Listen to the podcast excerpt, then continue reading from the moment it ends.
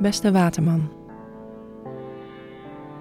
Deze maand wordt je gevraagd om je plezier te maken en genoeg vrije tijd voor jezelf in te ruimen. Tijd om te genieten dus van de zon.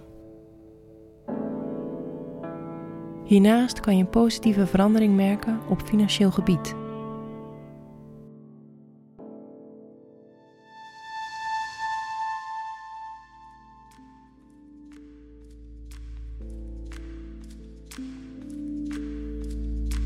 De maand begint met de verplaatsing van Mercurius en Venus naar het teken Tweelingen.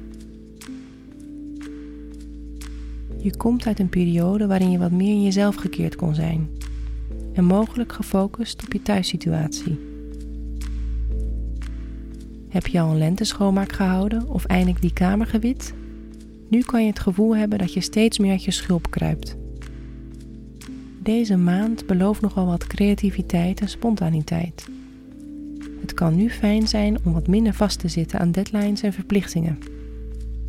Juist als je de ruimte hebt om te experimenteren, kunnen daar mooie resultaten uitrollen.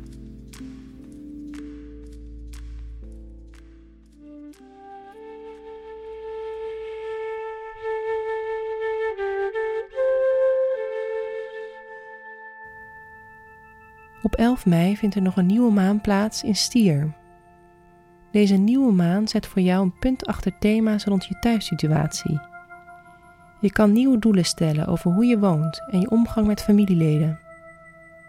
Stel jezelf de vraag of je je thuis voelt in je woning, maar ook bij jezelf en wat je in de toekomst nog kan doen om dit te verbeteren.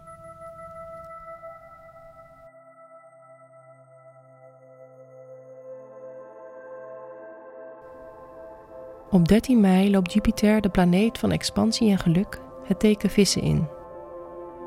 Jupiter voelt zich thuis in vissen en we kunnen dus merken dat er een positieve energie in de lucht hangt tot zeker eind juli. Voor jou regeert vissen in het levensgebied van financiën en bezittingen. Dus je kan al raden wat deze verandering voor je in petto heeft. Verwacht een positieve verandering in je inkomen. Ook als je al langer zou willen freelancen of ondernemen, is het nu een goede tijd om de stap te wagen. Financieel lijkt het allemaal op zijn pootjes terecht te komen. En heb je al eens overwogen te beginnen met beleggen? De kansen kunnen talrijk zijn tot eind juli. Je weet makkelijk iets rendabel te maken.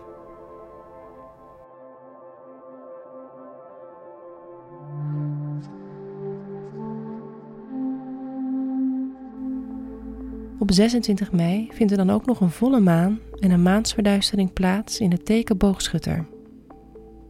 Deze volle maan gaat voor jou over je sociale leven en de gemeenschappen waar je deel van uitmaakt. In november vorig jaar werd je herinnerd aan je eigen opvatting en geluid. Je werd uitgenodigd om de balans tussen jouw pad en wat anderen van je verwachten op te maken.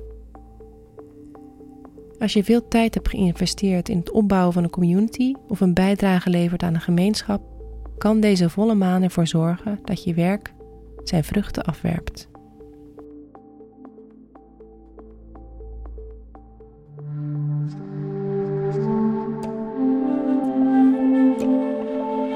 Fijne maand, Waterman.